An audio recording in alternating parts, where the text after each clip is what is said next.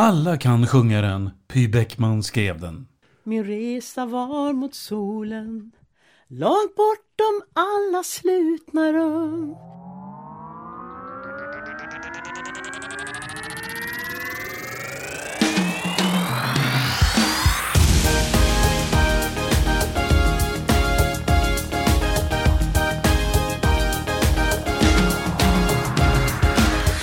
Jag möter Py Bäckman som berättar om sin skoltid. De ska få det de behöver i sina livsryggsäckar så att de kan gå ut och leva härliga liv. Det säger Micke Martinsson och vem är han? Får ni reda på snart. Mentorer eller klassföreståndare, lärarpanelen reder ut. Välkomna till Skolpodden i Stockholm och jag heter Björn Fridlund. Då är vi ju framme vid eh, den här punkten i Skolpodden i Stockholm som vi så fint har döpt till Min skoltid. Och eh, just den här gången så har vi en mycket speciell gäst hos oss. Och det är ingen mindre än Py Bäckman. Otroligt välkommen hit! Ja men tack så hemskt mycket, verkligen! Det är så roligt därför att Alltså, många tänker nog Py Bäckman, då tänker man Gabriellas sång eller framförallt låten som lever sitt egna parallella liv till allting annat som händer runt om i världen. Och då tänker jag på Stad i ljus. Vad tänker du själv kring den låten? Vad, vad det har blivit? Ja, den har ju blivit megastor alltså. Och det, det, den blir bara större och större. Nu har ju Gula väggen tagit den till sin nästan alternativa vad ska man säga, nationalsång. Så att höra 20 000 personer sjunga den där liksom och ha tända, tända telefoner, det är fantastiskt. Ja, så jag... den har de på varenda match, sån där utlands, ja, Sverige och det och det liksom. Det kan vara handboll, det kan vara ishockey. Till exempel. Och sen så sjunger de den på avslutningar på universiteten och på klubbar. De står i en ring runt golvet och sjunger stadljus. Och då vet alla, nu ska vi gå hem. Så det är inte bara kyrkan, den har ju blivit psalm också. Ja. Så den har verkligen flugit iväg. Men du, eh, den är lite speciell, men du har skrivit så otroligt mm. mycket mer. Mm. Men jag tänker backa till den tid då, um, som vi alla faktiskt går igenom när man går i skolan. Mm. Va, va, vad minns du från din tidiga skolgång? Jo, det var lite speciellt alltså. Så här är det ju inte längre utan man kom in i skolsalen på morgonen och det luktade gott de bänkarna kommer jag ihåg för nyförnissade när man kom på hösten. Och sen stod det en orgel, en tramporgel. Och på morgonen så var det obligatoriskt, man sjöng en psalm faktiskt. Ja, Den klara sol går åter upp, jag tackar dig min Gud och sådana här låtar blev eller psalmer blev det då. Och det var inte väl något konstigt, för man fick psalmverser med i, i läxa också. Till nästa gång ska ni lära er den här psalmen. Ja, men eh, när märkte du att du kunde skriva? Att du fick liksom eh, orden att leva? Ja, det var väl kanske man ju, fick ju skriva uppsatser i skolan på svenskan då. Och då fick man ju plocka vilket ämne man ville eller också fick man ibland ett ämne förelagt liksom att skriva om det här. Och då märkte jag att eh, jag kunde skriva för fröken läste alltid upp mina grejer som jag skrev. Kände du då att du fick liksom respons på det? Du ja, absolut. Skrev? Jo, för 17. Men när blev det till musik? Ja, det var långt senare. Det var när jag kom upp i senare tonåren. Mm. Jo, nej men alltså, men sen så efter ett tag tänkte jag, men vad fan, för ibland så sjöng jag låtar som, som jag tyckte var bra, men jag, efter ett tag tänkte jag, men vad sjunger de om egentligen? Och så, nej men det där kan jag inte hålla med om. Så då började jag själv att skriva texter då, för att få det som jag ville ha. Men, ja. men, men, när kände du att eh, du fick eh, respons på att eh, du faktiskt kunde skriva på det sättet? N när kände du att någonstans där hände det? Ja, när man spelade ute så, även om man hade ett krattigt band liksom, så var det ju ändå folk, åh vad fin den där sången var, liksom. Vad heter den? Vem, vad, den har gjort, oj, vad... och då hade jag inte ens gjort någon platta så de kunde inte ens få den liksom. Om vi studsar tillbaks lite mm. till skoltiden. Skoltiden ja. Så eh, vad minns du av musikundervisningen? Eh, hur den såg ut? Alltså vi hade otroligt bra eh, lärare i musik i Iggesund. Vi hade en, en disponent Gunnar Sundblad som tog hit de absolut bästa fick komma till Iggesund. Alltså det var helt otroligt. Alltså Rudolf Lövgren och alltså massor med folk som är fantastiska. Alltså vi hade ju en stor kör och orkesterförening. Och man satte upp saker också i kyrkan, till exempel som Johannespassionen och eh, Händels Messias. Och jag var ju med i kyrkokören, först barnkören, sen kyrkokören. Och vara med och sjunga Johannespassionen, det är ju fantastiskt. Så det var väldigt, väldigt bra musikundervisning måste jag säga. Det låter ju som en dröm. Ja, det var en dröm. Det var verkligen en dröm. Mm. Jag märker att det finns en, eh, en röd tråd, men kyrkan har varit en, en, en eh, del av din plattform. Det var ju det förr i tiden att man träffades i kyrkan. Det var inte så att man gick in i en kyrka och det var tomt med folk. Utan kyrkan var fullpackad med folk. Sen så gick man till församlingsgården efteråt. Och där drack man kaffe, kyrkkaffe och, och kanske fick kakor eller ja. Och de kunde prata med varandra, grannarna, liksom om olika saker. Har du kvar någonting som du har skrivit när du var betydligt yngre än vad du är idag? Alltså rent av som barn. Har du kvar någonting? Mm. Men ja, det borde jag ha. Men jag vet att jag skrev en, en grej som min moster tyckte så mycket om när hon bodde i Kanada som heter Väx, blomma väx. Medan tiden är inne innan snöflingor faller på marken och frosten tränger in mellan gran och tall tror jag. Och marken är hård och frusen. Därför säger jag Lilla blomma väx medan tiden är inne. Någonting sånt gick den. Vad gjorde du när du gick ut nian? Har du gått gymnasiet? Nej, jag gick ur nian och ganska snabbt flyttade jag till Stockholm mm. faktiskt. Men, nej, men jag tyckte att jag ville flytta till en storstad där det fanns möjligheter att att gå och titta på utställningar och på museer och, och lyssna på konserter. Och, både klassiska och rockkonserter. Och det, det, blev ett annat liv. Liksom. Men du, kan jag mm. inte bara få be dig om en sån här liten, liten sak här på mm. slutet? Alltså, ja. Eftersom det är svårt att gå runt eller komma runt mm. denna fantastiska stad i ljus. Kan du inte mm. ge mig en liten, en liten bit av den? Det är inte oj, många som oj. får uppleva det. ska veta att jag sitter nu alltså hemma hos Py, hennes fantastiska hem. en bit utanför Men det är ingen lyx, lyxkåk heller. Nej, men det sa jag inte heller. Nej, det är inte det nej, som är. Det här, det här är lyx. Så tänk om jag bara kunde få bara en liten snutt.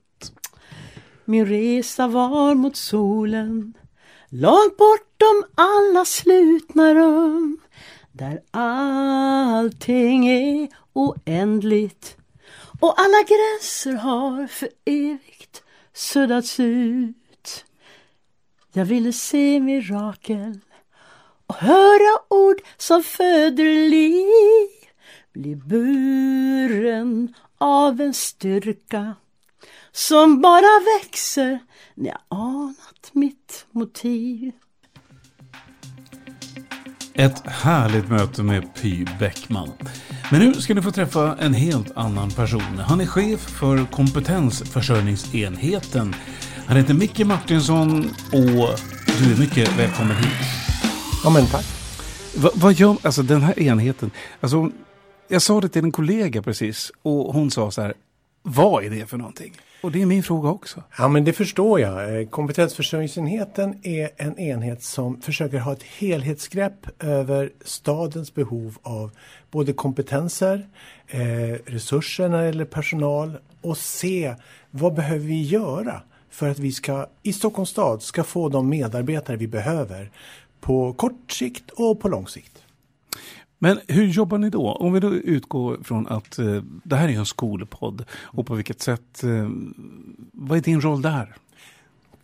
Ja, men en roll det är att, att eh, se över eh, statistik och siffror, personalomsättning, eh, försöka förstå liksom, vad är det som händer invärlds och omvärldsspaning i förvaltningen. Eh, försöka begripa eh, hur kommer det sig att, att vi kan ha svårt att rekrytera vissa lärarkategorier. Vad kan vi göra åt det?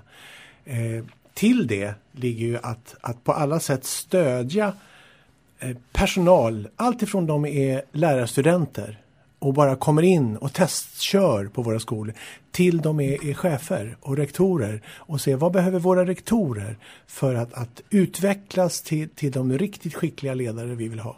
Och allt här emellan håller vi på med av utbildningar, av inspiration, eh, av stödåtgärder i form av coachning, handledning för vissa grupper. Så, så vi har ett ganska brett grepp om kompetensförsörjning. Men målet, nej men målet är väldigt tydligt. Våra barn och våra elever på Stockholms skolor ska ha den bästa personalen som det går att få. Ja, det går inte att ha en bättre målsättning naturligtvis. Men eh, du nämnde här vill, eller olika kategorier som är svåra att rekrytera. Kan du ge något exempel på det? Ja, men en, eh, en svår eh, personalgrupp det har ju varit eh, fritidspedagog eller som det nu heter lärare mot fritidshem. Eh, och då har ju staden sedan några år tillbaka jobbat med att, att rigga en egen utbildning eller tillsammans med Södertörns högskola så har vi köpt ett antal platser där. Och vi låter barnskötare som har rektors vitsord och som vill, vill ha rektor med sig att det här är en person vi vill vara med och utveckla. Så då, då erbjuder vi en utbildning under arbetstid eh, för de personerna att bli lärare mot fritidshem. Så det här, eh, vi har en eh, mellan 60-70 personer i en treårig process för att, att vi som stad själva vill försörja oss med, med just den kategorin som har varit svår och svårrekryterad.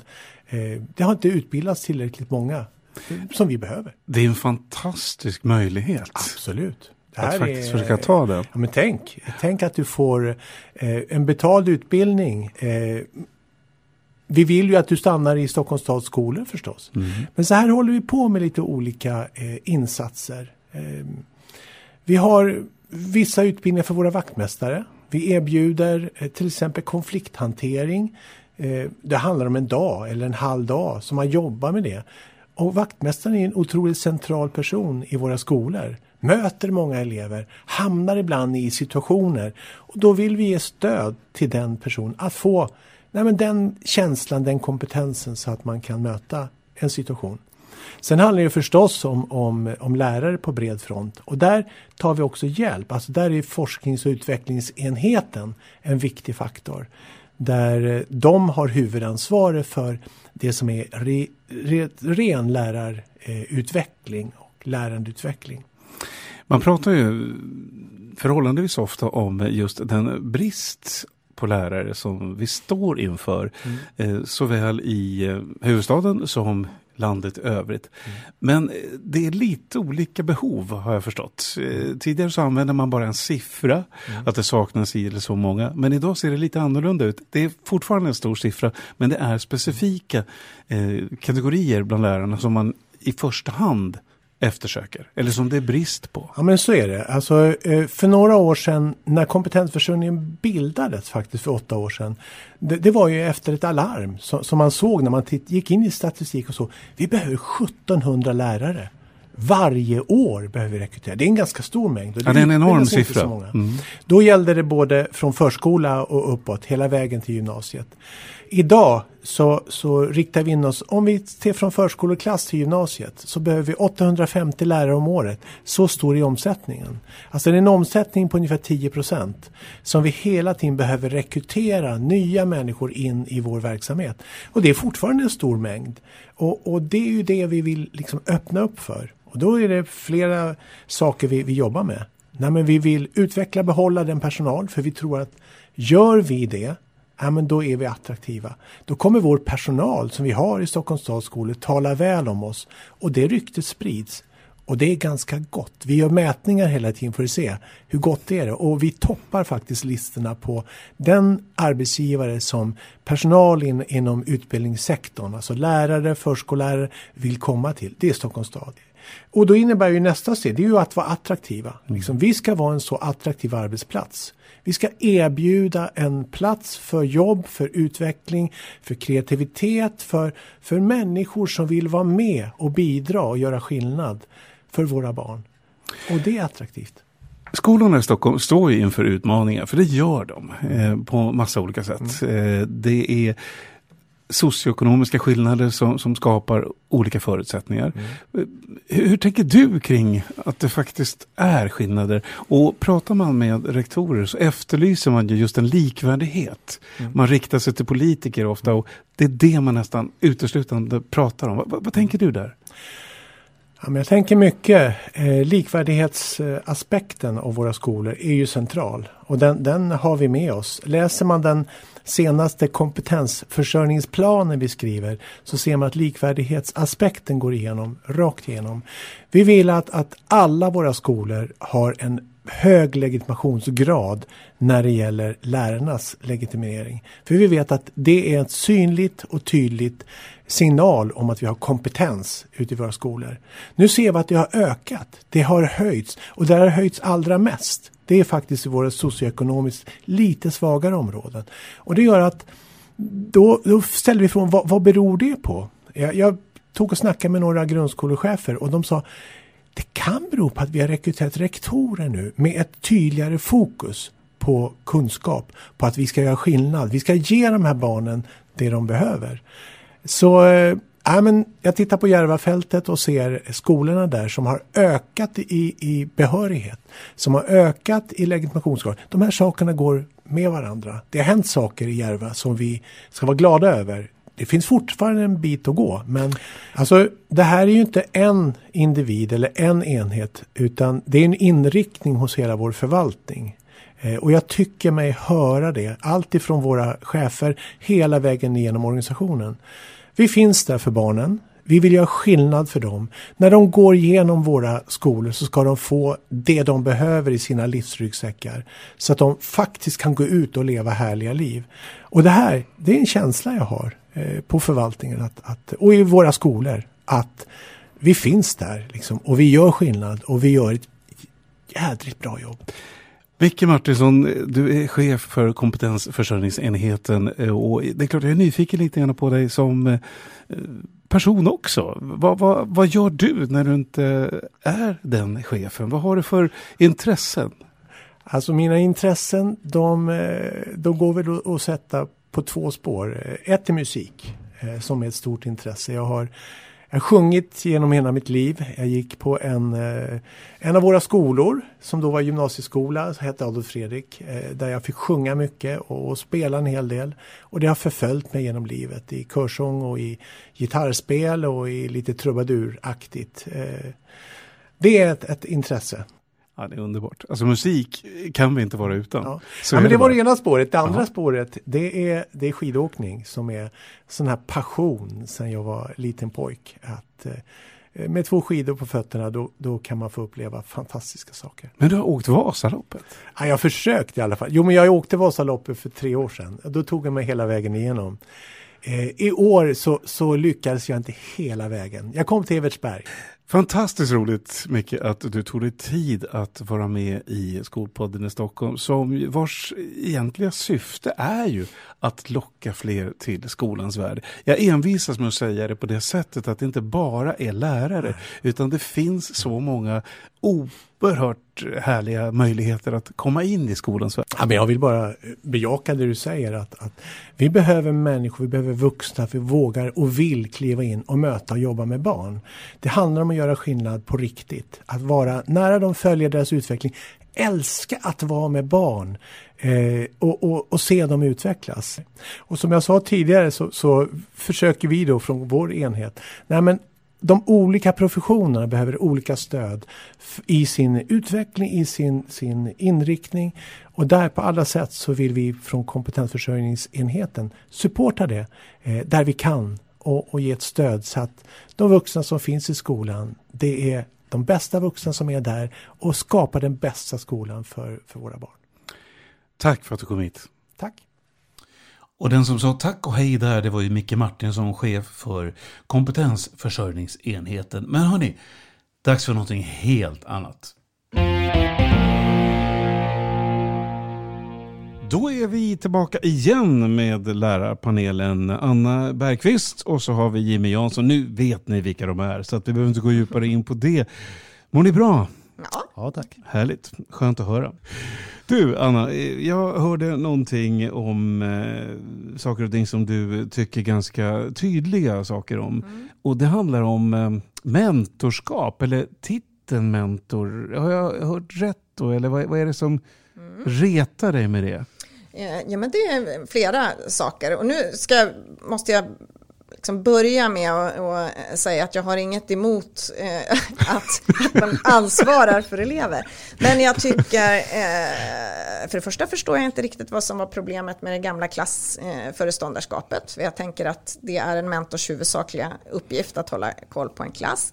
Och det här personliga mentorskapet tänker jag att jag många gånger har för andra elever än de som jag är mentor för. Det kan ju ha att göra med någon elev som jag har i svenska som söker sig till mig, som känner förtroende för mig eh, och, och, eller skriver någonting i sina texter och då kommer jag att ta mig an den eleven oavsett vad det står för bokstavs eh, om det står mina eh, bokstäver, mina initialer som mentor, så, så gör jag det ändå.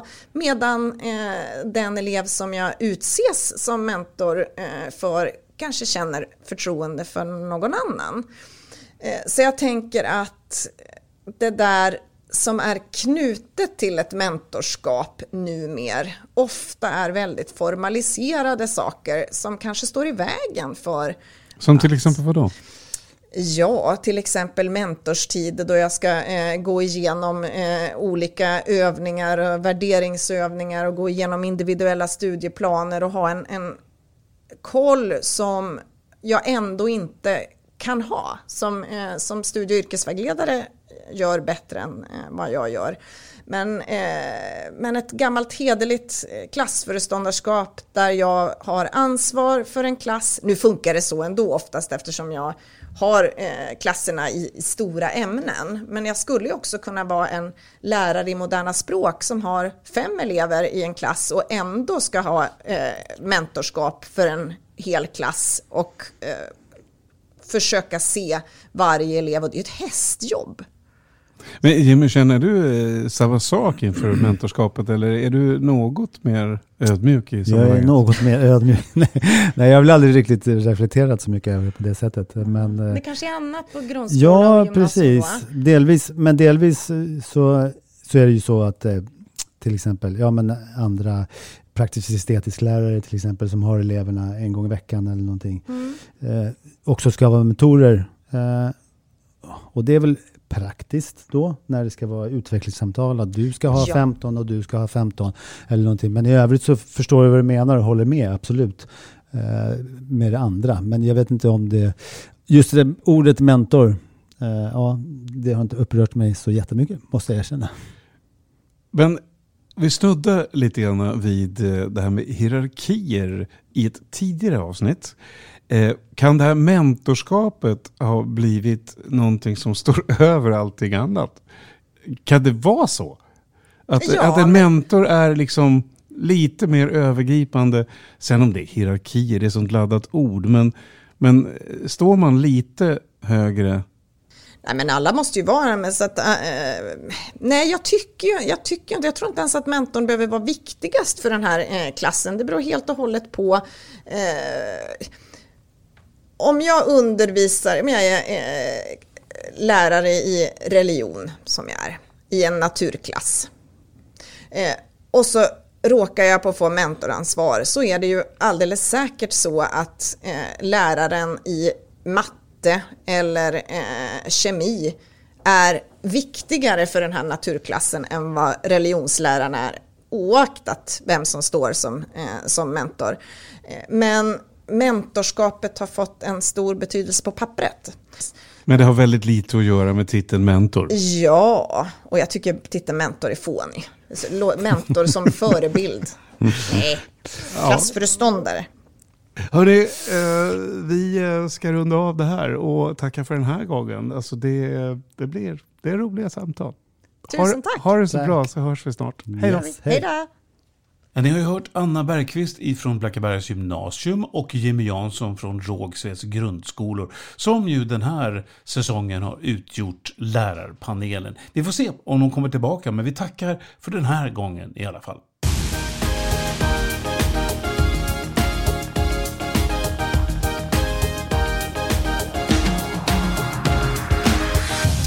Idag har ni fått träffa Py Bäckman, kvinnan bakom Stad i ljus. Och så har ni fått träffa Micke Martinsson, chef för kompetensförsörjningsenheten, som tycker att de ska få det de behöver i sina livsryggsäckar så att de kan gå ut och leva härliga liv. Och lärarpanelen, mm, de vill hellre ha klassföreståndare framför mentorer. Nåväl, jag heter Björn Fridlund, det här är Skolpodden i Stockholm och vi hörs mycket snart igen. Hej då!